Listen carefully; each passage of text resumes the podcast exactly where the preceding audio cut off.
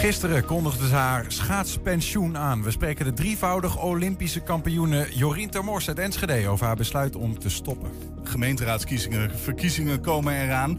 De komende tijd onderwerpen we de lokale lijsttrekkers aan een waar vragenvuur. Heeft oud-Hengeloer Matthijs Rolleman het ei van Columbus in de strijd tegen de woningnood? Een offensief Samen 1 Twente moet eenzaamheid in de regio terugdringen. Het is maandag 24 januari. Dit is 1 Twente vandaag.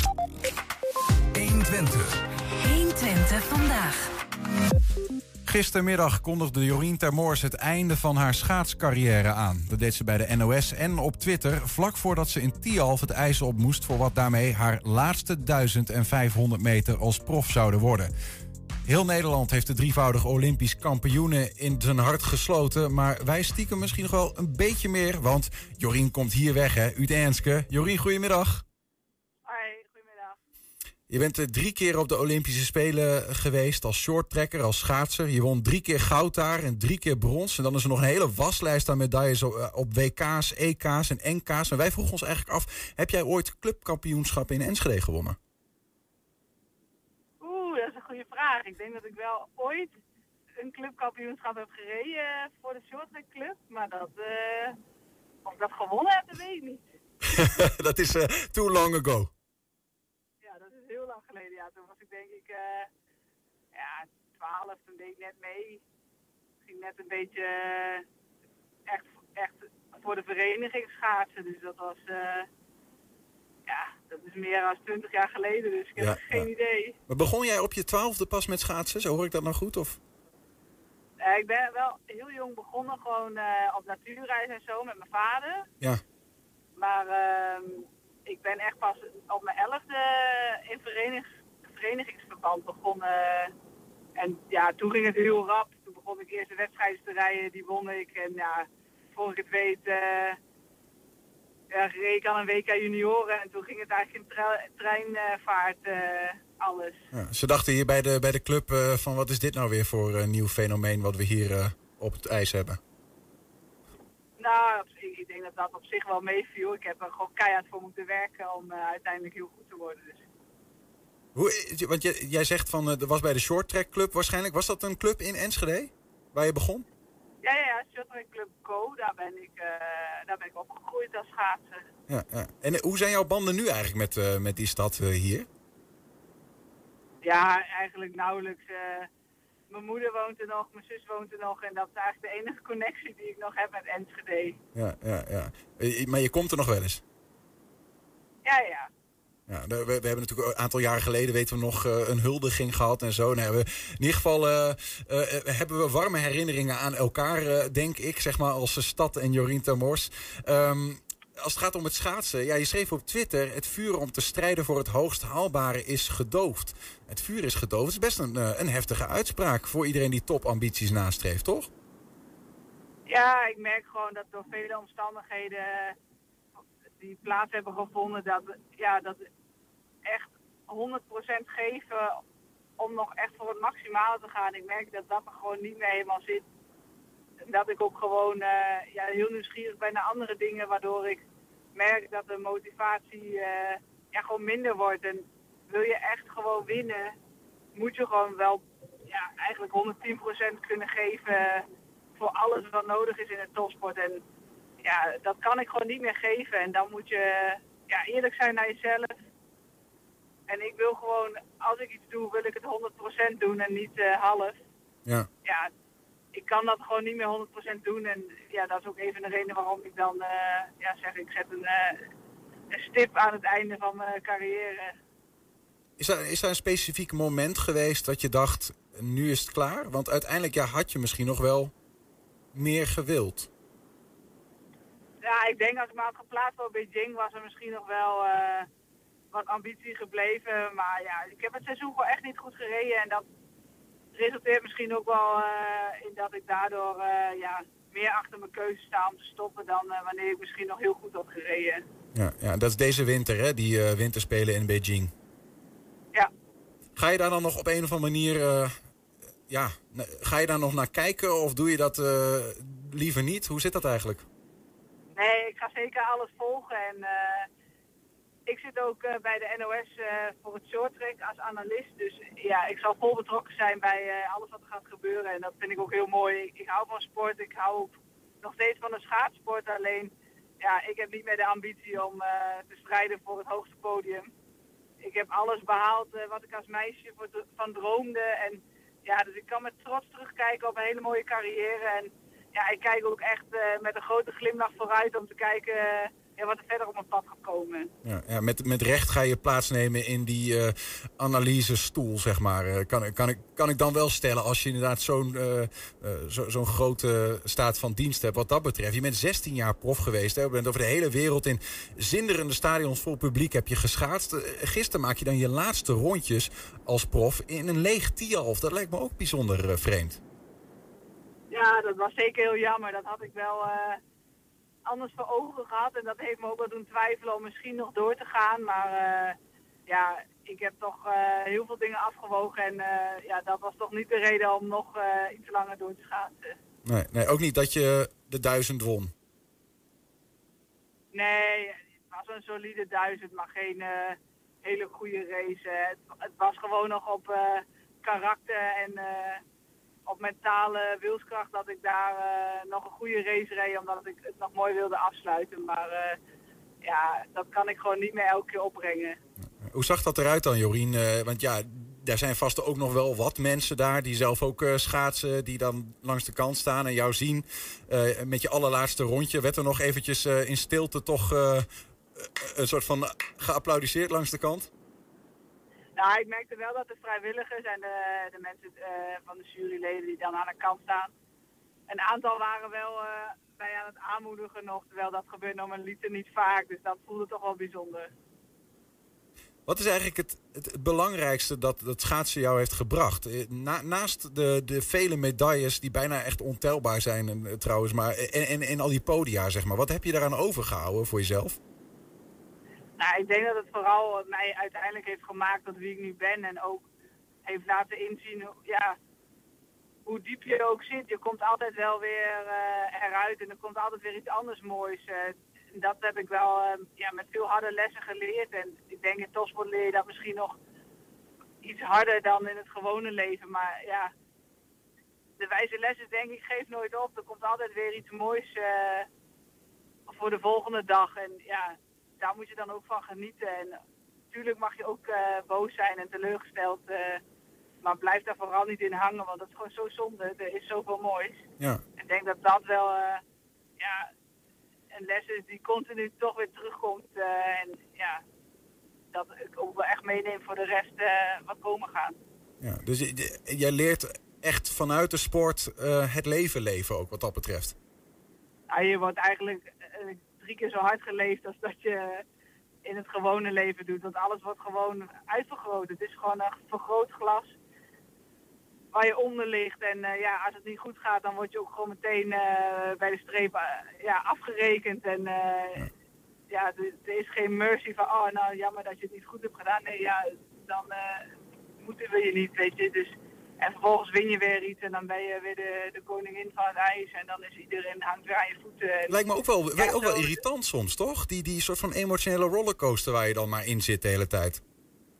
ja, soms is het heel frustrerend, maar des te, des te mooier is het ook als dingen op zijn plek vallen en het lukt. En dat is denk ik ook het allermooiste van topsport. Dat juist door die diepe dalen die je ook maakt, dat die pieken die je hebt heel bijzonder zijn. Het gaat, het gaat niet altijd om, de, om dat moment dat je die medaille haalt of dat je die ene race rijdt. Het gaat eigenlijk om het hele traject wat je aflegt en, en wat er gebeurt in die tussentijd en, en welke overwinningen je behaalt waardoor je uiteindelijk op het hoogste podium staat. En ik denk dat dat ook eh, meer je carrière tekent nog dan eh, alleen maar eh, ja, de medailles die uiteindelijk met een goud randje in je, in je kast liggen of waar dan ook. Ja.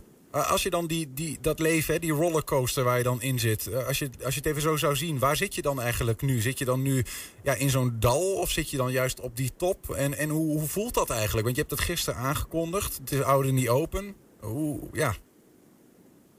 Nou ja, ik, ik denk als je het zou zien als een pretpark, dan heb ik eh, de Goliath gehad en eh, dan ga ik nu een andere achtbaan in en dan kijk ik waar die belandt.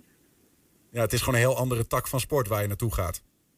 Ja, heb gewoon een heel mooi hoofdstuk eh, van mijn leven gehad. En eh, ja, daar ga ik gebruik van maken om eh, ja, de komende tijd weer een nieuw hoofdstuk aan te breken. En daar weer hele mooie dingen te gaan doen. Wat wordt dat nieuwe hoofdstuk? Want ja, analyses bij de winterspelen horen we al. Maar wat, wat zit er nog meer in het vat? Nou, veel ideeën wel. alleen nog niet letterlijk en concreet waar ik heen wil. Dus dat, eh, ja, dat hou ik ook nog even voor mezelf. Want eh, daar moet ik gewoon nog de tijd voor nemen om daar echt een beeld in te vormen. Ja, ja. Hey, die herinneringen aan Enschede, hè, waar we een beetje mee begonnen. Hoe warm zijn die eigenlijk? Nou, ik, eh, de herinneringen van de huldigingen, die, die staan wel echt in mijn geheugen gegrift. Dat was wel ja, iets heel unieks om dat mee te maken. En, en voor de rest van, van het leven dat je hier hebt geleefd, is dat, ja, denk je met, met goed gevoel aan Enschede?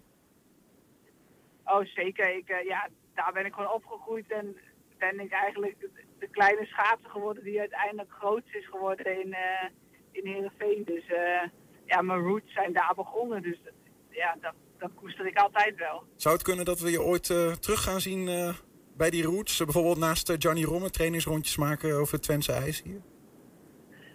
Uh, dat weet ik niet. Ik, ik, ik ga wel uh, enigszins in de buurt wonen, maar, maar absoluut niet in Enschede. Want uh, ja, met mijn relatie gaat dat niet echt samen om in die hoek te wonen. Nee, snappen we. Uh, hoe dan ook, je bent van harte welkom hoor, Jorien. Um, hey, dankjewel voor, uh, voor een mooi gesprek en uh, nou ja, voor een mooie profcarrière. We hebben van je genoten. Dankjewel. En een goede tijd. Jorien Termoors hoorde je. Nog even een applausje dan vanuit onze studio. Ja. Goed gang. Bedankt. Ja, zometeen tijdelijke huurwoningjes in Andermans achtertuin. Matthijs Rolleman bedacht het concept en is nu in gesprek met ambtenaren in onder meer Hengelo en in Gouda om dit idee te realiseren. We zijn ook als podcast te luisteren als je ons nog niet hebt gevonden. En het is een leuke podcast. Het is een geweldige podcast. Ik, heb nog nooit zo'n leuke podcast gehoord. Iedere dag loaden we up, als dat een woord is. Uploaden we. Ja, nu uh, wel. Um, en we, we geven je zeg maar het beste item van de dag, om het zo maar te zeggen. En we geven iedere dag de hele uitzending. Dus zoek even op je Spotify, op je Apple Podcast 120 vandaag of 120 vandaag uitgelicht. 120. 120 vandaag. De gemeenteraadsverkiezingen komen eraan. Maar wie zijn de figuren die in Enschede en Hengelo de dienst gaan uitmaken? Ja, in ons verkiezingsproject Ik teken voor 80 onderwerpen we de lijsttrekkers van beide steden aan een heus vragenvuur. Vandaag trappen we af met uh, deze man die nu zijn jas uittrekt. Het is de voorman van D66 in Enschede. En zijn naam is Gert-Jan Tillema. Zo. Top. Even een paar seconden in de camera kijken. 3, 2, 1. Nou, Gert-Jan, het vragenvuur. We gaan drie minuten vragen stellen. Het zijn korte vragen, ja of nee, of een gesloten antwoord. Je moet antwoorden, je mag okay. één keer passen. Dus ik ben benieuwd naar je antwoorden. Ben je er klaar voor? Ik ben er klaar voor. Nou, dan gaan we starten. De afgelopen vier jaar waren succesvol voor D66 Enschede. Ja. Met dezezelfde coalitie wil ik dus ook nog wel een periode door. Ja. Het niveau van debatteren in de gemeenteraad is te laag. Ja. Te laag? In, die, in welke zin? Het niveau dat we te veel uh, op de man spelen en te weinig op de inhoud. Alle raadsleden stellen het belang van Enschede en de Enschede's voorop. Jawel, ja. Ik kan met alle raadsleden goed door één deur. De een beter dan de ander, maar ja. Ik moet samenwerken. Is dat dan met GroenLinks of PvdA? PvdA. Is dat dan met PVV of Forum voor Democratie? PVV. De komst van Volt gaat D66 stemmen kosten? Nee. Opvallend. Dezelfde vijven vissen jullie toch in, de UT? Uh, dat klopt, maar ik denk dat Volt in staat is om meer mensen naar de stembus te krijgen. Wat ons uh, de vorige ronde niet gelukt is. Uh, dat is in ieder geval het scenario waar ik op hoop. Zodat we gezamenlijk voor, een, nou ja, voor het, hetzelfde progressieve Europese doel kunnen vechten hier in de Raad.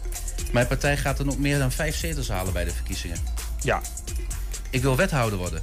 Nee. Het is belangrijk dat Enschede zo snel mogelijk groeit naar 170.000 inwoners.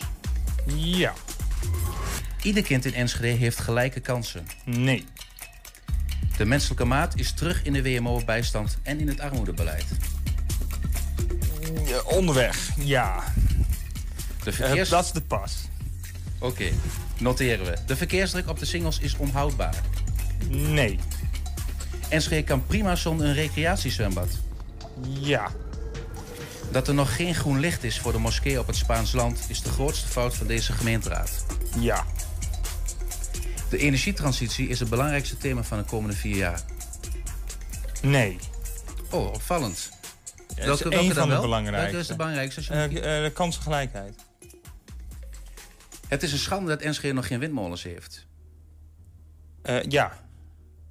Dankzij ons afvalbeleid is het een puinhoop in de stad. Nee. Enschede moet wel gaan nascheiden. Eh, pff, nee. Enschede is de belangrijkste stad van Twente. Ja. De rest van Twente zou zich dus wat meer moeten aanpassen aan Enschede. Nee. Oh, niet? Dan dan kan toch maar één de baas zijn? Eh, Dat kunnen we prima samen. Voor onze stad is het beter om zich op Duitsland te richten dan op de Randstad. Ja. Duidelijk. Ehm, we hebben nog een paar seconden over, zie ik. Dus eh, we zijn door de vragen heen. Ehm, even twee dingen. Je, je zei een pas en dat ging over... eh, ieder kind heeft gelijke kansen in Nee, dat ging over de, de menselijke maat. De menselijke maat, natuurlijk, die kwam daarna. Ja, volgens mij zijn we daar de goede weg ingeslagen. Eh, maar we zijn er nog niet. Dus als ik ja moet zeggen, dan zeg ik dat we er zijn. En nee, dat er geen menselijke maat wordt toegepast. Dat is ook niet waar. Dus vandaar de pas. We zijn onderweg van een nee naar een ja. Er waren wat problemen in het sociale beleid. Hè. Dat, dat, dat is de laatste jaren nou ja, eh, breed uitgemeten overal. Er is een commissie aangesteld, die heeft wat onderzoek gedaan. En je hebt er wel goede hoop op dat dit eh, wordt doorgezet. Dat het ook echt tot, tot meer oplossingen eh, nog weer gaat leiden. Ja, zoals ik al zei, we, we- er zijn al maatregelen genomen. Dus we zijn op de goede weg. Eh, maar we zijn er nog niet. Is er zijn nog, nog meer leerpunten over. Is het iets wat ook in het verkiezingsprogramma of in het eh, nieuwe coalitieakkoord wat jou betreft eh, moet terugkomen? Of je er nou wel of niet in zit? Ja. Wil je zelf ergens nog op terugkomen op een vraag waarvan je denkt van dit behoeft nog enige verduidelijking? Eh, nou, er zitten best wel vragen tussen. Onder andere verkeer op de singles. Dat is ook net iets te makkelijk om daar een ja of nee op te moeten zeggen. Dus er zijn wel zijn verschillende antwoorden. Eh, re- recreatiebad. Ja, natuurlijk heb ik graag een recreatiebad. Maar ik heb hem wel geïnterpreteerd als met gemeenschapsgeld. En dan vind ik het niet nodig. Ik had verwacht misschien wel dat je eh, op de verkeersdruk misschien wel ja zou zeggen. En dan had ik de vraag bedacht, maar ja, de, de, het, het, het, verder eh autoluw maken van het centrum gaat die problemen alleen maar groter maken. Is dat ook wel een beetje waar je mee zit? Eh, Met, eh, Eh. kan de single de druk nog wel aan? Nou, kijk, de- de- ook dat vraagt dus echt wel een genuanceerd antwoord. Omdat we juist proberen om mensen uit de auto op de fiets te krijgen. Eh, ik zie ook wel dat het aantal, als je het aantal inwoners laat groeien... dan laat je eigenlijk automatisch ook het autoverkeer groeien. Maar als je een heleboel mensen op de fiets weet te krijgen... en dat is al behoorlijk gelukt in de afgelopen jaren... dan haal je die mensen net zo hard weer van de single af. En ja, dan denk ik dat je Enschede fatsoenlijk bereikbaar kunt laten... Eh, zonder dat je meteen de singles moet gaan verdubbelen of zo. Duidelijk. Gertjan, dankjewel. Graag gedaan. Ja, dat was Gert-Jan Tillema, lijsttrekker van D66 Enschede. De komende weken komen ook de hoofdpersonen van alle andere partijen in Enschede en Hengelo voorbij. Straks het offensief Samen 1 Twente moet de eenzaamheid in de regio terugdringen. 120. 120 vandaag.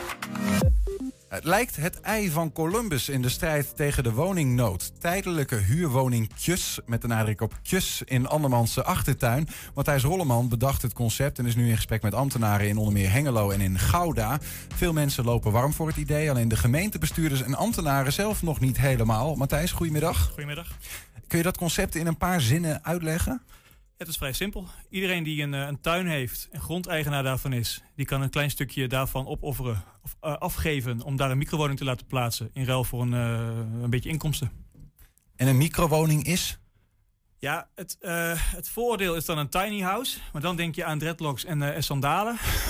Een microwoning, hoe wij het insteken, is gewoon breed ingezet. Zo efficiënt mogelijk omgaan met de ruimte. Een, een complete woning, 25 vierkante meter. Mhm. Ja, we hebben een, eh, een, een plaatje, geloof ik, van eh, zo'n microwoning. Om een beeld te krijgen. Dit is in iemands achtertuin. Of is, het, is dit een impressie of is dit, staat dit er echt? Die tuin is echt in eh, Gouda. En de tekening, ja, het, het mag nog niet gebouwd worden. Oké. Maar dit zou het dan zijn, inderdaad. Ja. ja. Hoeveel vierkante meter had je het over? Dit is voor mij 23,5. 23,5. Ja, dat is niet veel. Nee. De helft van waar ik in woon, dat is al niet veel. Maar goed, het, het is eh, een, een tijdelijk eh, idee. Dan. is veel. Ja, ja, dat zal vast, ja. Eh, en het is een, een, een tijdelijke oplossing. Ja, tijdelijk. Maar tijdelijk betekent officieel maximaal 15 jaar. Dus dat is maar tijdelijk hoe je het benoemt. Ja. Als je de, we kunnen ook zeggen om deze woningsnood eventjes te overleven. Ja, precies. Ja, ja, ja. Hoe, hoe kwam jij hier eigenlijk op? Specifieke aanleiding voor? Ehm, ja, ik heb zelf net een half jaar geleden een huis gekocht. Ik dacht, En, ik, eh, ik heb net zelf een half jaar geleden ergens in een achtertuin in een schuurtje gewoond of zo, maar dat was het Ja, niet. met sandalen en dreadlocks. Ja, Nee, precies, nee. ja. Nee, nee. ehm, en het is gewoon on- ongelooflijk lastig, ook in Twente, maar ook zeker in de rest van Nederland, om überhaupt een huis te zoeken, of te vinden, zoeken gaat wel, eh, die een beetje betaalbaar is. Dat, dat is een bekend verhaal natuurlijk, maar er ging een lampje branden als ondernemer. Van joh, je hebt Airbnb, je hebt slaapkamers, die kun je verhuren. Waarom, waarom trek je dat niet door? Ik heb een stukje tuin, ik laat daar iets plaatsen en daar laat ik mensen wonen. Dat was het ideetje. Eh, aan de slag gegaan met architecten, juristen, aannemers, de hele toestand. We zouden het elk moment kunnen bouwen. Eh, maar je loopt tegen het ambtelijk apparaat aan. Het, het laten bouwen is geen probleem. Het eh, verhuren, dat is officieel niet toegestaan volgens de wet. Maar goed, wetten zijn er om aan te passen, lijkt me. Dus mijn strijd is, is nu met ambtenaren. Het is geen echte strijd, maar mijn, mijn, mijn boodschap is aan ambtenaren van joh, werk gewoon mee. Mhm. En waar zijn ze bang voor dan? Nou, eh, als je ambtenaren een beetje kent, dan komt er geen ja of een nee. Dan komt er een eh, eh, officiële reactie in Hengelo was. wij zijn bezig met de concept, het, het uitwerken van een concept voor, voor een afwegingskader. Aan, en daarvan kunnen wij dan laten afhangen of het wel of niet binnen dat afwegingskader past. We houden je op de hoogte. Ja, sorry. Ja, die moet je eerst even vijf keer lezen voordat je überhaupt weet wat er dan staat. En dan, ja, eh, ja, ja, precies. ja, precies. Maar ik, ja. eh, ik heb lang geleden in 2007 het BAM-festival opgericht in Hengelo. En toen was het ook in eerste instantie nee, nee, nee, nee, nee. Of ja, niet nee, maar in ambtenarentaal zeg maar. Ehm, en toen heb ik ook eigenlijk ook met, met lokale partijen een beetje hetzelfde traject als nu. Via omwegen, maar een beetje interne politieke druk uitoefenen. Om het toch maar het logische verhaal, ook al mag het niet, maar het logische verhaal toch uit te voeren. Ja. En daar ben ik dan nu mee begonnen. Ja, maar heb jij een idee van, want je hebt het over een afwegingskader. ehm, ehm, schimp- simpeler gezegd, hè, we, we moeten er even naar kijken. Van wat, is nou, eh, wa- wa- wat zou het voor voordeel, nadeel opleveren en waarom willen we het wel of niet, denk ik. Wat, wat, wat is dan, eh, wat zijn de top-nadelen waar zij aan denken waardoor het lastig is blijkbaar? Ja, de bureaucratie. Ze moeten aan hun kant natuurlijk, eh, moeten ze een kavel in tweeën splitsen. Of ze moeten allemaal dingen doen die nog nooit gebeurd zijn. Ik bedoel, er is, eh, ehm, er is genoeg aanbod. Eh, microwoningen en, en tiny houses, et cetera. Er zijn meer dan genoeg aanbieders die dat doen. Heb je natuurlijk ook de andere kant van het Die dat spectrum. huisje kunnen planten, bedoel je? Ja, of, of een huisje kunnen planten. Ja. Van, van klein tot en met complexe. Daar heb je mij niet voor nodig. Mhm. Het hele verhaal dat elke grondeigenaar vanaf nu een, een, een soort verhuurder kan worden, dat is nieuw. En daarbij eh, moet de gemeente natuurlijk iets gaan doen. Iets wat ze niet gewend zijn en niet kennen. En dat is voor, voor veel gemeentes eng. Nou ja, ik moet ook even denken aan eh, bijvoorbeeld hier in Enschede. eh, ja, zijn ze soms ook wel wat bang voor huurwoningen. Eh, omdat daar soms eh, ja, ook allerlei eh, tijdelijk gespuis in komt te wonen. Heel veel mensen zitten niet te wachten op dat het huis naast hen wordt verkocht en ver- verkamerd gaat worden, zeg maar. Want ja, daar zitten geen duurzame bewoners in. Ja. Ehm, daar ontstaat soms onveiligheid. Daarom hebben ze hier zelfs een beleid nu gemaakt van... oké, maar x aantal huurwoningen per straat. En om niet te dicht bij elkaar, hè, zodat- om dat een beetje te verdelen. Zit dat er ook niet in? Misschien wel. In de angst van de gemeente bedoel je dan, hè? Ja. Eh, nou ja, gemeente, maar ook gewoon de politici. Uiteindelijk maken wij met elkaar de regels. Eh, Hoop ik altijd. Dat dat is wat onze politiek betekent. Ja, dat zou heel goed kunnen. Eh, kijk, wat, wat het hele grote haakje is boven dit initiatief, is dat het eh, woning, woningsnoodverhaal, dat we daar de oplossing van, of een deel daarvan, back to the people kunnen geven. Voor Mhm. een klein beetje. Wij kunnen niet een compleet appartementcomplex gaan laten bouwen. Dat kan, maar dan moet je nou, de bouw in. Je kunt wel eh, het gewoon super laagdrempelig maken. Mijn idee is helemaal niet eh, eh, briljant bedacht. Op zich is het vrij simpel eigenlijk vrij logisch. Je hebt te maken met, nou, met wetgeving. Maar wetgeving loopt per definitie achter op de realiteit. Eh, Dat is, dat, is niks nieuws. Dus eh, eh, wat ik alleen maar vraag is om dat eh, nou ja, eh, met één particulier uit te proberen in Hengelo. Om dan daarna te kunnen laten zien aan de gemeente en andere gemeenten in Nederland van joh, het kan gewoon. Ook al zegt de bureaucratie van niet. Ja, ja. Als je dan toch moet, moet bouwen, dan kun je in de eerste instantie tijdelijk bouwen in iemands achtertuin. Ja, precies. Ja. Ehm, hoe, hoe werkt dat eigenlijk dan eh, met. Want, want jij, jij bedenkt zo- zo'n idee. Ja, hoe. eh, wat- er moet denk ik ook iets in zitten voor jou wat dat betreft. Een bepaald verdienmodel of zo. Of in hoeverre ben jij er dan bij betrokken? Of bedenk je dit idee en gooi je dat over de schutting? Nee, wij doen eh, in principe alles. Eh, allemaal in overleg met de... Ik heb vanavond een eh, afspraak met een eh, particulier in Hengelo... die zegt van, nou, het komen we hier. Nou, ik zeg, nou, oké, is goed. Ik kom kijken. En eh, eh, eh, wat we dan... eh, er is een huur. Een vrij redelijke huur, omdat het aan alle kanten eh, eh, eh, prima moet blijven. En eh 450 euro per maand. En, en 20 te- eh, procent ervan gaat naar mij. En de rest gaat naar de grondeigenaar. Degene van wie de tuin is, in wie dat eh, Ja. eh, gebouwtje wordt geplant. Klopt. 20% gaat naar ja, maar wie bouwt het dan? Wie betaalt dat? Ja, de aannemers. eh, de voorfinanciering doe ik. Oké, dat zit in die 20%. Eh, klopt, maar dat, dat is niet wensgevend. Dat is nu alleen maar om een proof of concept neer te kunnen zetten. Om te kunnen laten zien van joh, eh, dit is het. Mhm. En dat het mij heel veel geld gaat kosten, dat is allemaal prima. Het zal wel. Ik wil laten zien dat het gewoon kan. En daarna kunnen we dan doorstoten. Ja, ja, precies. Ja. Dus, maar dan is de kans dat die huurprijs van 450 nog omhoog gaat. Of dat de verdeling van waar het geld naartoe gaat anders wordt, bijvoorbeeld. Eh, ja, dat zijn mogelijke scenario's natuurlijk. Het hangt een beetje af van de plek. In Twente is het helemaal goedkoper dan in Amsterdam. Eh, het hangt af van de grootte. Hoe, hoeveel tuin wil je afstaan? Wil je het helemaal off the grid? Of wil je het gewoon wel aansluiten? Ja. Het zijn heel veel factoren. Ja, ja. Eh, maar, maar Maar het gaat in de eerste instantie gaat het je om het idee van... joh, waarom zou je je achtertuin niet gewoon als ehm, bouwgrond inzetten... voor een mini micro-woning? Precies, je moet tegen een heleboel vooroordelen en angsten vechten. Vooroordelen in die zin, ja, tiny houses, dan heb je het over, eh, nou, ik zei het zelf al, maar dat, mensen hebben toch met een associatie met dreadlocks en sandalen. Eh, en aan de andere kant is het eh, nou ja, de angsten van de ambtenaren. Nou, die wil ik met die proof of concept eh, allebei wegnemen. En laten zien van, kijk eens, het is heel vriendelijk, het is heel tof. We kunnen het met z'n allen een klein beetje kunnen we het aanpakken, het woningtekort. Wij regelen het voor je. Kijk maar hoe, hoe cool het is en hoe Ja. mooi het zou kunnen zijn. Wie wordt er verantwoordelijk eigenlijk voor ehm, het welzijn van die huurders? Wij.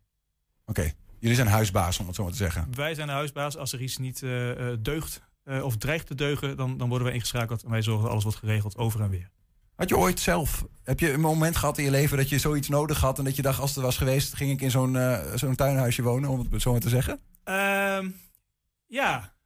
ja, tuurlijk. Ik denk, i- iedereen heeft dat wel gehad, denk ik. En nu de laatste, laatste vijf jaar is natuurlijk nou ja, explosief de verkeerde kant op gegaan. Ja. Er zijn, ik, eh, ik weet dat er verhalen zijn over de UT, eh, dat die al eh, studenten oproept om zich niet in te schrijven. Want er is gewoon geen, geen, geen hoe zeg je dat? Er zijn geen woningen te vinden.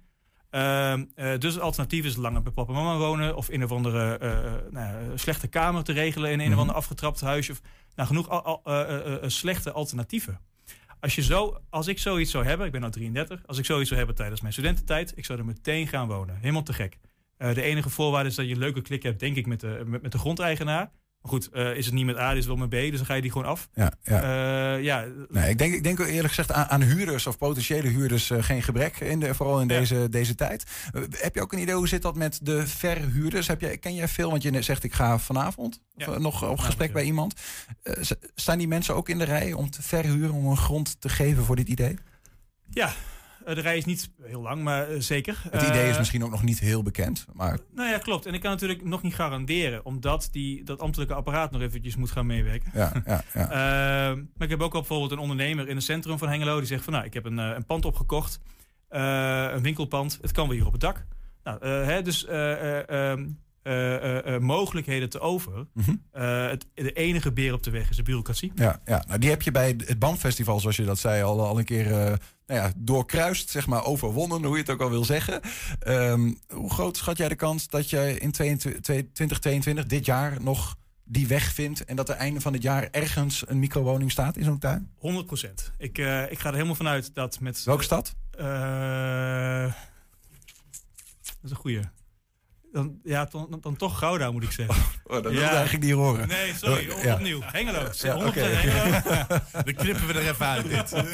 Nou ja, bij deze de oproep aan de Hengeloze ambtenarij en politici, politici eh, doe er wat aan, toch? Nou, niet omdat ik geen vertrouwen heb in, eh, in Hengelo. Want ik ik denk dat het wel gaat lukken. hoor. Maar je vroeg wie is de eerste? Nou, Ja. eh, Hengelo is toch een beetje van eh, de kat in de boom kijken, zeg maar. Dus als, als Gouda ja zegt dat ze Hengelo, ja, dan willen wij het ook. Nou, helemaal goed. Uh, hoe dan ook. Ik heb er heel veel vertrouwen in dat de noodzaak uh, dusdanig wordt gezien door ambtenaren en wethouders en dergelijke. Dat zij, uh, wat ze gewend zijn, van het blaadje naar de wereld kijken. Dat ze gewoon kijken naar, naar de realiteit. En dat ze ook gewoon durven ja te zeggen. Staat genoteerd. Matthijs Rolleman, dank voor je uitleg. Succes met je missie. Dankjewel. Heb je een tip voor de redactie? Geef het ons aan, hè. Mail Ja. even. Info Waar, waar kunnen ze dat dan naartoe mailen, Niels? Info 120.nl. Wat zei je? Info apenstaatje 120.nl. 120. 120 vandaag. Ja, het programma Kracht van de Enschede wordt in de aanloop naar de gemeenteraadsverkiezingen gesproken over de kansen voor de stad. De tweede aflevering gaat over het terugdringen van eenzaamheid. Er wordt onder meer gepraat over een nieuw plan dat daar de komende jaren een belangrijke rol in moet gaan spelen. Er is een eh, offensief gestart eh, in de stad, in de regio, die eenzaamheid moet tegengaan. Ehm, genaamd Samen 1 Enschede en Samen 1 Twente. Mark Woesthuis is bij ons, hij is directeur van ICT-bedrijf Trim... en ook eh, lid van de stuurgroep van, eh, van dat offensief. En we hebben ook bij ons Henk Abels, betrokken bij de praktische uitvoering. Eh, welkom. Dankjewel. Dankjewel. Nou, Ja, die, die, die constatering, hè, ieder mens eh, kent wel eenzaamheid, is die terecht? Eh, denken we? Eh, ja, ik denk van wel. Ik denk dat het een eh, heel breed begrip is van jong tot oud. Eh, waarbij eenzaamheid naar mijn mening wel wat anders is dan eh, alleen zijn. Eh, want alleen zijn is een keuze. Hè? Je kunt eh, bewust even alleen willen zijn. Kan ook heel fijn zijn. mhm. Maar eenzaam betekent dat jij ook eh, wel behoefte hebt aan dat contact. Maar dat contact is er niet. Of onbewust behoefte daaraan hebt en het is er niet. En daar, daar kun je verdomd ongelukkig van worden. Dus het gaat voor jou wel echt om het eh, gebrek aan eh, mensen om je heen... die je kunnen voorzien in een middel tegen eenzaamheid. Ja, en ook het, het effect eh, er uiteindelijk van. van als dat langdurig is. eh, ja, mensen worden depressief, eh, eh, functioneren dus niet goed. En, eh, Nou, ik las ergens, eenzaamheid is zelfs dodelijker dan roken. ja, dat kan ik niet be- be- beamen, maar eh, wellicht kun je daar wat over Ja, nou ja, weet je, ik wil eerst nog even terugkomen op... eh vond ik wel mooi hoe jij ook begon. Ehm, iedereen heeft een ander beeld bij eenzaamheid. Je hebt daar verschillende definities voor. De een heeft met contact te maken, de ander met rouwverwerking. Er zijn allerlei ook verschillende oorzaken. Ehm, wij zijn eigenlijk ook al afgelopen half jaar erachter gekomen... een aantal van die, dat heet dan bewustwordingssessies... van als je het eerst persoonlijk maakt... Hè, doe je ogen maar eens dicht en ga dan eens terug... dan heeft ieder mens... we zijn nog geen mens tegengekomen... die geen last heeft van eenzame gevoelens... is dat in zijn leven tegengekomen... En dat zijn we eigenlijk ook in Enschede tegengekomen. Nou, dan, dan heb je de, de, de beroemde cijfers, hè. Eh, eh, eh, zeker door coronatijd meer toegenomen. Als meer dan de helft van Enschede heeft de afgelopen jaar last van eenzaamheidsgevoelens. En dat is in alle lagen van de bevolking. Van jong, oud, van studenten tot migrantenouderen. Eh, eh, maar ook onder, onder eh, de werknemers bijvoorbeeld. En dat kan verschillende oorzaken zijn. En is dat, meer, dan, meer dan anders? Meer dan voorgaande jaren? Ja, dat was een aantal jaar geleden was dat 47 procent. En ehm, dat zit hem deels in. Corona heeft daar natuurlijk ook invloed op gehad, hè, want dat heeft het ook versterkt, zeg maar. Met name onder jongeren is dat gemeten. Ik geloof dat het wel met 20 procent is toegenomen. Maar wat daar ook mee heeft te maken, dat we hebben een enorme vergrijzing. Ehm, dat is een enorme boost de komende vijf tot tien jaar. Maar dat is nu al in gang gezet. En dat betekent die groep ouderen wordt groter. Ja. Maar dat betekent ook dat de groep ouderen die bijvoorbeeld een partner verliest, die wordt ook groter. En dat kan één van de vele oorzaken zijn die eh, eenzaamheid teweeg brengt. ja. En zou u ook iets kunnen vertellen over het offensief wat jullie gestart zijn? Ja, we zijn eigenlijk al eh, zeker ruim een eh, half jaar bezig van... oké, maar hoe pak je dat dan aan? Hè? Want hoeveel mensen wonen in Enschede? 160.000?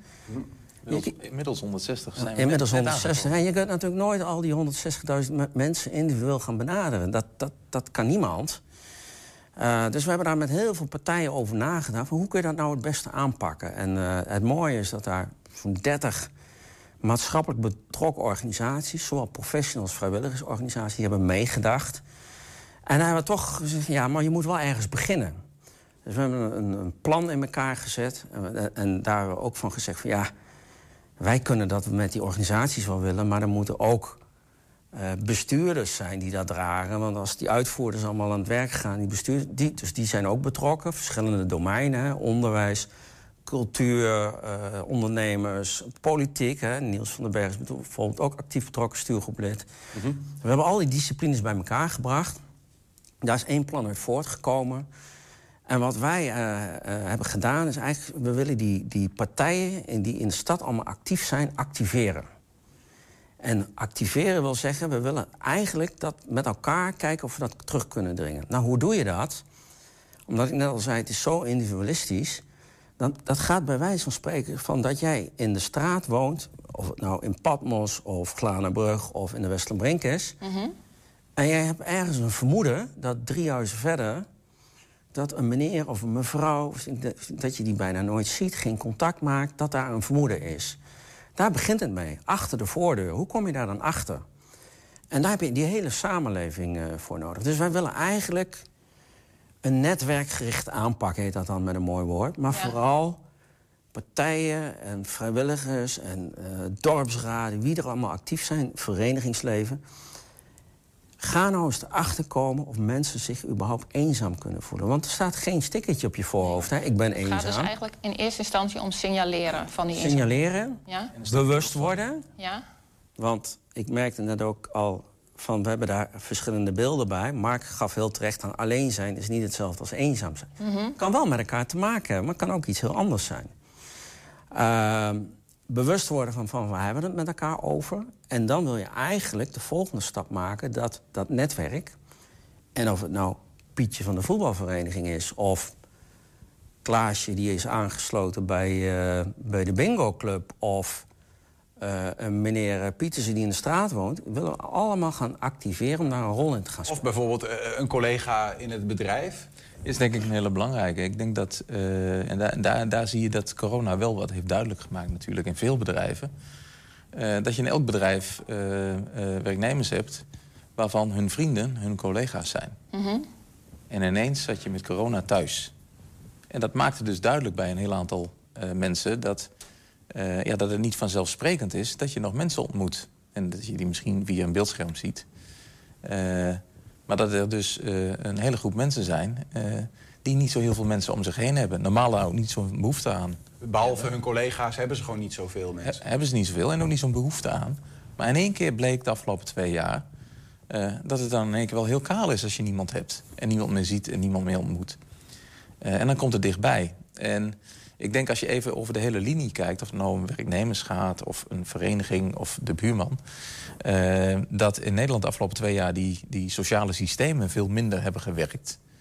Eh, maar dat die sociale systemen überhaupt al de laatste 10, 20 jaar aan het afnemen zijn. Het verenigingsleven wordt minder. Eh, het vinden van vrijwilligers om dingen te doen is moeilijker. Dus die sociale cohesie, die veel groter was... Ja, mensen zijn steeds meer op hun eigen gekomen. Dus het, het ondervinden en, en voelen of iemand nou eenzaam is of niet... is veel lastiger geworden. Eh, dus we zullen met elkaar, en dat is ook een opgave die we hebben gesteld... we zullen dus ook een, een grote stap moeten zetten om die bewustwording te creëren... maar ook met elkaar vervolgens een stap te kunnen zetten... om ja, op een hele andere wijze met elkaar te willen En dat, en dat naar voren eigenlijk, want je zegt het is heel erg teruggedrongen. Zijn er ook beelden, vanuit, nou, van, ook vanuit het collectief... hoe je dan weer stappen kan zetten om eh, meer naar die sociale cohesie te gaan, naar die verbinding? Ik denk dat je daar uit elkaar moet halen van... eh, hebben we het dan over van wat kunnen wij eh, als ieder mens doen? Ja? Kijk, een deel van dit collectief is er ook op gericht om... op het moment dat er wat gesignaleerd wordt... om ook snel stappen te kunnen zetten... door professionele hulp te activeren. En daarin zie je dus dat nou, een wijkverpleegkundige of maatschappelijk werker... of wie dan ook, haar netwerk wel heeft om snel stappen te kunnen zetten. Maar op het moment dat het niet bereikt wordt... op het moment dat het echt wat aan de hand is... eh, ja, dan wil je eigenlijk ook signaalfuncties creëren... of mensen dat bij zichzelf gaan herkennen. Eh, want het is heel belangrijk dat we... eh, ja, voorkomen is beter dan genezen in deze. Ja. Ik ben zo eh, benieuwd om zo meteen nog eens verder te praten over hoe dan die, die, eh, het collectief wat jullie zijn gestart, zeg maar, heel concreet eh, daar iets in kan betekenen. Ehm, maar ook nog even kijken naar wie zijn nou eigenlijk, eh, nou, wie hebben met eenzaamheid te maken. Henk, je zei al van we zien dat in, de, in alle segmenten van de samenleving. Eh, het klassieke beeld, en je noemde het ook al een beetje vergrijzing... is natuurlijk dat die eenzame ouderen ook wel. er zijn er veel meer, gaan we straks nog meer van zien. Maar eerst even naar een meneer uit Enschede, Wim Wenink... Um, heeft zelf, is 74 jaar, heeft zelf met eenzaamheid ook te kampen gehad. Heeft zich er min of meer aan ontworsteld, in hoeverre dat kan. En hij uh, bezoekt nu regelmatig uh, andere ouderen om hen ook uit het slop te trekken. We gingen samen hem, met hem op uh, bezoek bij meneer Van Dijk in Enschede. 94 jaar, 95 jaar zelfs, komt hij. Ja, dat is, dat is Esther. Ja? Maar die, komt er wel in. Die komt erin, goed zo. Ze kan, Esther kan er wel in komen. Dus je hebt een mooie verjaardag gehad? Ja. Je moet er wat van maken, hè? Ja, dat klopt. Ja. En uh, ja, komt mijn oudste dochter, die was, ging met pensioen. Die was uh, meer dan 40 jaar ambtenaar, gemeentehuis. Ja. Half van Twente. Hoe vaak komt Wim bij u op bezoek? Wim? Ja. Die komt één keer in de week. Donderdag. En wat vindt u van die bezoekjes? Ja, dat vind ik natuurlijk gezellig. Ja, je hebt uh, allerlei dingen wat je hoort en, en ziet dus niet, ik dan niet. Kun je nog even over praten. Hè? Er is altijd wel wat te praten over, over alles en nog wat. Over de regering en over de... Noem maar op. Nou, het is vorig jaar begonnen, dus een beetje in... Uh, ja, was, ik heb het contract niet meegenomen van Mana, maar uh, zeg maar in begin december of zoiets. Uh. Ja. wat vindt u het leukst om het over te hebben, om over te kletsen? Nou, we hebben het niet over vrouwen. nee, toch niet? Nee, nee. nee dat, of hebben we hem? Nee, daar hebben we het nog niet over gehad. Dat is toch wel een item waar we eens een keer over moeten praten. De bedoeling was dus... Uh, 14 mei, zondag 14 mei, feest te houden. In een zaal tussen Lonneken en Losteren. Ik zat bij een uh, eenzame groep van, man, van Mana. Ik, uh, ja, ik ben dus zo'n negen jaar uh, weduwnaar. En ja, ik heb, wel, ik heb één zoon in Enschede wonen. En ik ben altijd wel een eenling geweest als het ware. Maar ja, je zoekt toch wel eens wat op. Hoe ziet uw week er verder uit? Heeft u soms ook wel eens dat u alleen zit en denkt... hé, nou mis ik wat aanspraak of wat gezelligheid? Ja, je zit grotendeels alleen. Ja. Ja, maar dat zeg ik dan. Dat kan ik opvullen met de webbo's. Ja. ja. ja. En uh, nou ja, dan komt de verpleegster. En verder, de dochters komen wel en uh, kleinkind komt nog wel eens zo. Maar, uh, maar die hebben werk ook, hè. Ja. ja. En zo. Ja, je komt toch je eenzaamheid tegen. En dat zijn op verschillende momenten, niet altijd. Want gezelligheid, dat kent geen eenzaamheid, zeg ik dan altijd. Maar ja, toch, toch uh, soms. Al mijn vrienden. Ik had heel veel vrienden van militaire dienst. Dat ik in Indonesië geweest ben. Dat vormde een groep, dat is een hele hechte groep was dat. Ja. Die hadden, ja, als dan elk jaar een midweek waar we uitgingen. En we zijn met een hele groep.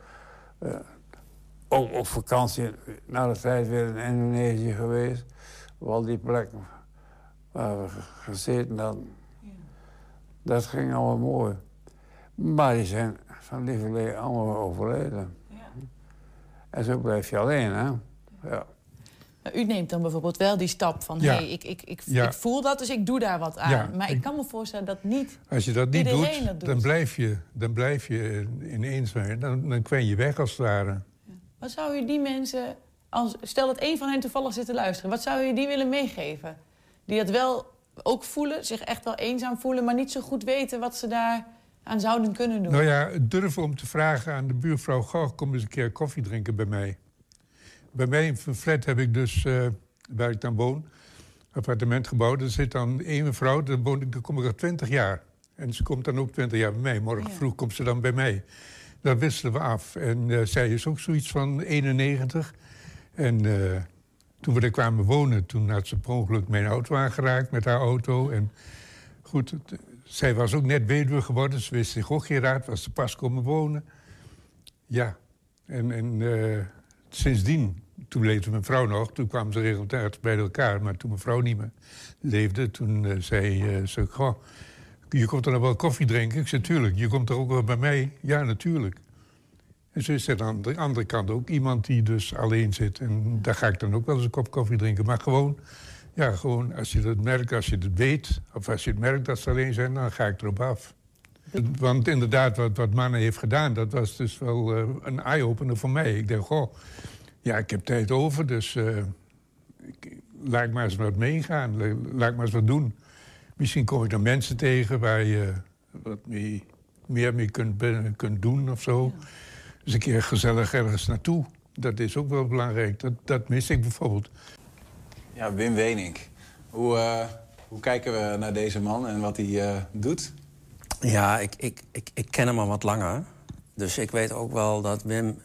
Ik vind Wim wel een heel mooi voorbeeld van... hoe je in één mens verschillende oorzaken van eenzaamheid... Hij heeft zijn vrouw verloren, hij is ernstig ziek geweest. Eh, hij helpt nu nog eh, militairen die, eh, die zeg maar ooit zijn afgekeurd. En hij is ook wees van, van origine, wat ook nog een ander soort eenzaamheid had gevolgd. Ja, het mooie is dat hij dus ehm, aan de ene kant in één mens zoveel verschillende soorten oorzaken van eenzaamheid. Aan de andere kant hoe hij dus ook probeert zingeving, invulling te geven door andere mensen te helpen. Ja, dat is prachtig. Ja, ja. Toch is het, hè, als het zo laten zien, dan krijg je inderdaad weer het klassieke beeld... toch een beetje van die eenzame ouderen. Terwijl we net ook constateren dat dat probleem is echt wel breder. Eh, Mark, ik moest net nog even denken, want je hebt het over... je bent zelf directeur van Trim, van een eh, vrij groot bedrijf. Ehm, je ziet bij je eigen me- medewerkers dat ze in coronatijd met zichzelf geconfronteerd worden. Eh, Zetten jullie daar dan ook als bedrijf, of misschien in de regio zelfs... van hoe, hoe pakken we dat nou aan, die eenzaamheid onder onze... Nou, we hebben wel eh, eh, daar snel actie op gezet vanaf het moment dat we toen thuis moesten zitten. Dat we zoiets hadden van, nou, oké, we hebben hier een soort van shortlist van... dit zijn wel mensen waar we meteen even aandacht aan moeten besteden. Eh, want daarin zien we een risico. Ehm, daarnaast ook met andere ondernemers eh, over gehad van... eh, joh, hoe gaan jullie hier nu mee om en hoe kijk je daar tegenaan? Ehm, maar ik denk ook niet te vergeten wat er gewoon nu op dit moment met scholieren gebeurt. Thuis zitten, maar het makkelijk gecanceld worden via sociale kanalen. Eh, Wat bedoel je daarmee? Nou ja, in één keer door een klas buitengesloten te worden... omdat jij een bepaalde opmerking via de groepsapp hebt gemaakt. Ehm, dat lijken misschien kleine dingen, eh, maar in vergelijking met pesten... eh, is de buitensluiting en eh, daarmee het alleen komen staan... de- en de impact daarvan is ook groot. Ja, want het, de, het leven van een scholier is intussen heel, heel anders dan hoe wij op de middelbare school hebben gezeten, Absoluut. denk ik allemaal. Dus eh, zijn daar ook voorbeelden van hoe je daar dan in kan handelen? Wat, wat, is dan, wat zijn dan mogelijkheden? Nou, ik denk eh, dat daar vooral een opgave ligt eh, voor scholen en voor ouders. om daar goed over in gesprek te blijven. En ja, in ieder geval een, een beetje gevoel te hebben in wat er gebeurt. En wat er in de belevingswereld van iemand gebeurt. Ehm, ja, er zijn natuurlijk in de afgelopen twee jaar natuurlijk ook hele ernstige voorbeelden van kinderen die tot zelfmoord toe zijn gegaan omdat ze volledig buitengesloten werden. En eh, ik denk dat het ook een aspect is om eh, ja, aandacht voor te hebben met elkaar. Eh, en, daarmee ook te zien van dat eh, niemand wil dat. Niemand wil dat. Alleen het bewustzijn dat het gebeurt, eh, eh, wat je ermee kunt doen op het moment dat het aan de hand is. Eh, en bij jezelf af te vragen van, eh, goh, eh, wat kan ik eraan doen wellicht? Eh, kan ik ook een stapje zetten? We, we hebben ook eh, eh, een aantal van die vragen gesteld aan eh, een mentor op de UT. Daar wil ik zo meteen even naar kijken. Om te kijken hoe dat daar speelt. Want daar zijn bijvoorbeeld ook internationale studenten.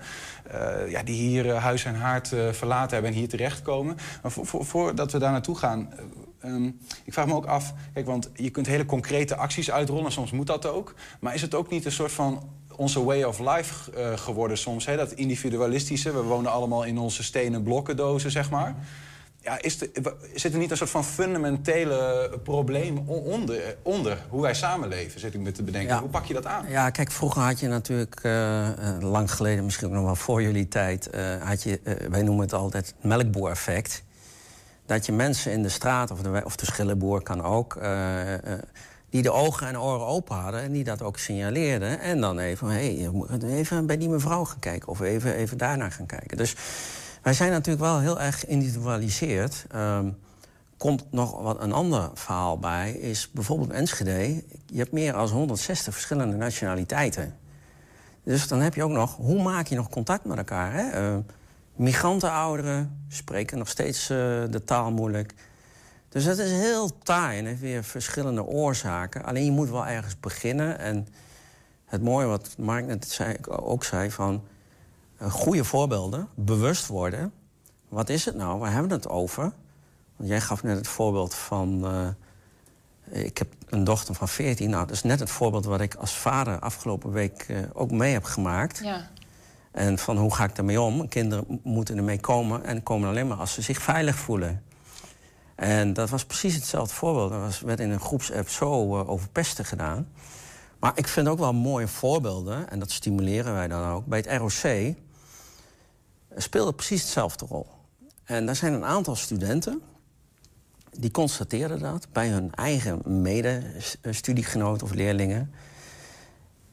En een tak van de mediatak van ROC, die studenten hebben gedacht van wij willen daar iets aan doen. Want waar hebben we het over met elkaar? En die zijn met elkaar, zijn ze een voorstelling in elkaar gaan sleutelen. En die hebben ze opgevoerd afgelopen maanden op een paar scholen. Mhm. Die voorstelling heet Solo. Kun je zelfs nog online kijken. Dat zijn natuurlijk ook voorbeelden waar je er met elkaar wat aan kan doen. Maar is het belangrijk om het dan te benoemen, om daar open over te zijn? Ja, Dat want- we met elkaar allemaal in ons eentje wel eens zitten of met Want, elkaar... want het is ook nog steeds wel een taboe. Ja. Je hebt het er niet over. Ehm, buitengebied bijvoorbeeld, hè, eh, eh, de boeren. Het boerenbedrijf staat onder druk. Zijn trotse mensen, hebben een bedrijf opgebouwd. Vaak willen kinderen niet eens meer overnemen tegenwoordig. Zitten ze vaak ook nog vaak onder, onder de armoedegrens. Maar daar ga ik het niet over hebben, want ja, ik ben trots en, en ik ben een boer en ik eh, heb het goed voor elkaar. Daar kun je met niemand over praten. Nou, dat kan ook weer een heel andere oorzaak zijn van eenzaamheid. Ja. Er is, een, eh, er, is een, er is een pot met geld voor initiatieven, geloof ik. Eh, voordat we het daarover gaan hebben, eerst even naar die eh, mentor van die internationale studenten op de UT. Want die gaat ja, iets vertellen over hoe die studenten zich voelen.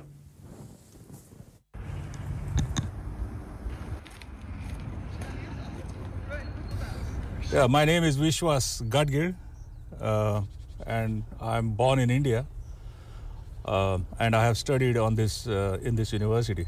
Uh, at this moment, I'm a fellow in the Faculty of Science and Technology.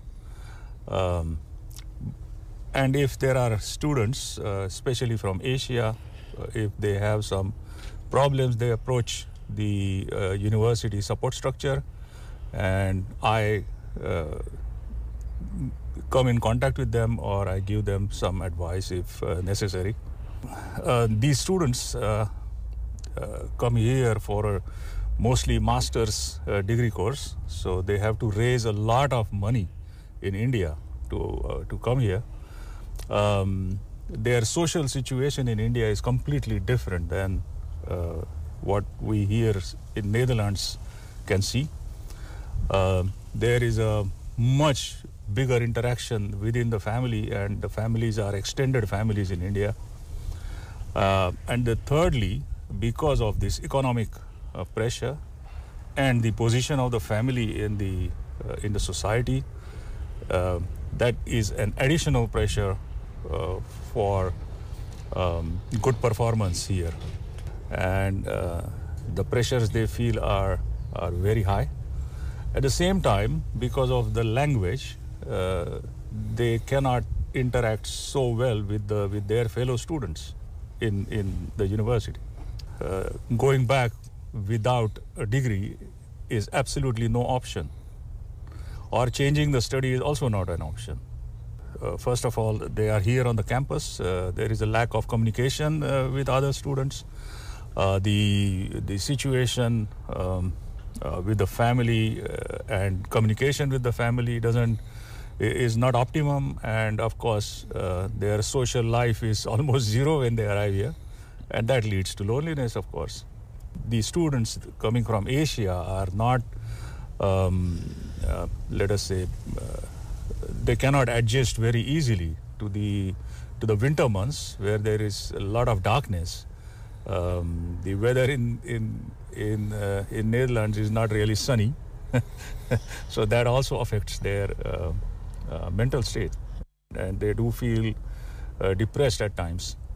The uh, the corona uh, has uh, deeply affected the student life in the last two years. Um, and of course, for an international student, it has become the situation is even worse.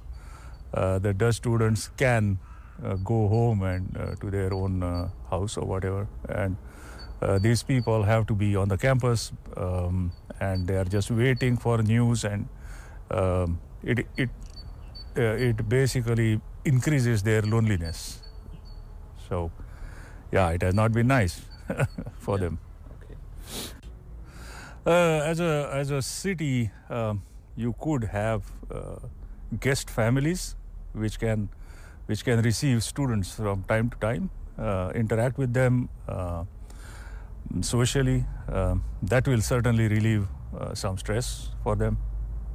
And the city could also arrange, for example, uh, social events or sponsor social events, which where these international students can can come together and interact with each other. That would be also nice.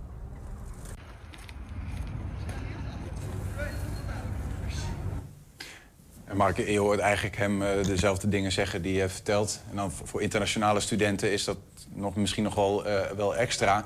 Hij geeft ook al meteen een aanzet voor een, eh, nou ja, een mogelijke oplosrichting.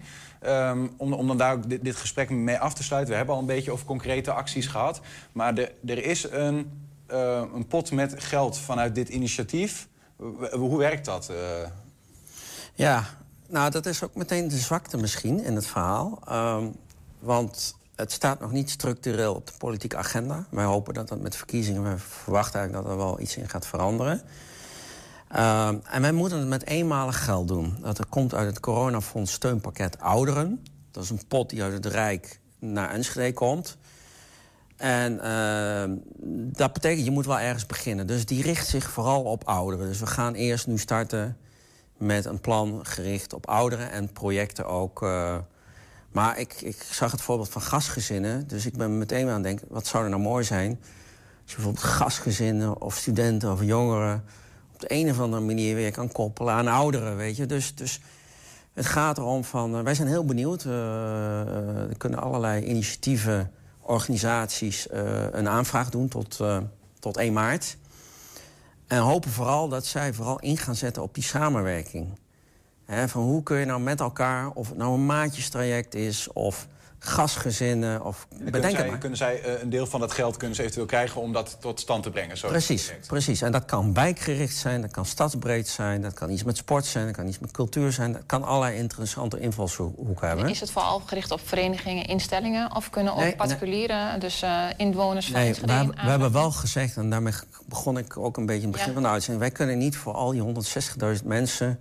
stel we er 160.000 aanvragen krijgen, bij wijze Ja. van... Dus we hebben wel gezegd, we zetten het open voor al die maatschappelijke organisaties... verenigingen, eh, wijkraden, noem maar op. Die kunnen allemaal een aanvraag doen. Maar wij verwachten, verlangen wel van hun... dat zij verbinding gaan maken met de mensen in hun omgeving. En dat ze daar ook, hè, ervaringsdeskundigen zoals bijvoorbeeld een Wim... op een of andere manier proberen bij eh, te betrekken. Ja. Eh, Mark, de- je, je, je hebt zo'n collectief, eh, zo'n offensief gestart. Dan heb je ook waarschijnlijk een soort van concreet stip op de horizon. Eh, hoe ga je meten of dit nou succes heeft? Ja, er, er werden al wat getallen genoemd eh, eerder eh, in dit gesprek. Eh, het zou natuurlijk heel mooi zijn dat je kunt meten van... eh, nou, zijn over twee jaar eh, er minder mensen eenzaam. Ehm, eh, ik denk dat we daar nog lang niet zijn. Ik denk dat we eh, in eerste instantie met elkaar een bewustzijn moeten creëren... eh, dat dit een maatschappelijk thema is waar we met elkaar wat aan moeten doen... Zonder dat je bepaalde verwachtingen mag hebben op interventies... dat die meteen in cijfertjes effect gaan hebben. Ik denk dat als we met elkaar beseffen, in verenigingen, in de straat, op het werk... in een zorginstelling, dat we met elkaar een opgave hebben om een volgende stap te zetten... dat het een veel belangrijkere stap is dan te zeggen... nou, we hebben 2% gewonnen. Want dat is lastig te meten. Eh, en ik denk eerlijk gezegd dat als je gaat werken aan bewustwording... dat die cijfertjes wel eerst behoorlijk de lucht in zullen gaan. Mhm. Kortom, eh, we, we zijn er nog lang niet eh, over uitgesproken in ieder geval. Het belangrijkste is dat we de eerste stap zetten. Precies, bewust, bewustwording. En goede voorbeelden. Dat zijn er. Ja, daar wil ik nog even één ding aan toevoegen. Ehm, waar wij de afgelopen periode ook zijn achtergekomen... dat heel veel organisaties en mensen de oplossing denken te vinden in... wij gaan vooral mensen in groepen bij elkaar brengen... en allerlei activiteiten organiseren. Nou, jij begon al met je persoonlijke verhaal. Blijkt dat vaak individueel je die behoefte niet eens hebt. Dus je moet niet automatisch denken... we gaan nu in een groep wandelen. Of dat is een soort weeffout in de maatschappij... dat we alles kunnen oplossen door activiteit. Die zijn niet structureel. Ik zeg niet dat het niet kan, hè, want ze kunnen best een aantal activiteiten daaraan bijdragen. Maar het zit hem vooral in die bewustwording contact maken.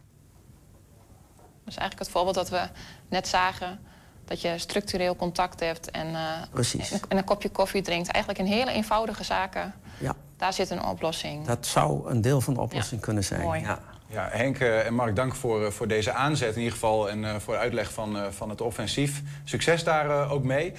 Zometeen gaan we praten over hele concrete acties... ook die nou ja, moeten helpen. Ja, dit is wel een abrupt einde. Want Ja. dat zometeen, dat kun je dus zien als je de hele uitzending kijkt. En Julian? Ja, de hele uitzending van Kracht van Enschede is te zien op 120.nl. Komende vrijdag om 5 uur een nieuwe aflevering. Dan praten we over kunst en cultuur. Oh, interessant. Tot zover 120 vandaag voor vandaag. Terugkijken, dat kan meteen via onze website. Dat is 120.nl. Ga eens kijken, mooi. Vanavond om 8 en 10 uur zijn we ook op televisie te zien. Ja, je kan nu gaan genieten van Henk Ketting met zijn deel 2 van de kettingreactie. Veel plezier en tot morgen. 120. Weet wat er speelt in Twente. Met nu het nieuws van 3 uur. Ingrid Anne Broers, goedemiddag. Een schietpartij op een universiteit in het Duitse Heidelberg. Een man heeft in een collegezaal meerdere studenten neergeschoten. Het is niet bekend hoeveel en hoe het met ze gaat. Volgens Duitse media was de schutter zelf ook een student en heeft hij een eind aan zijn leven gemaakt.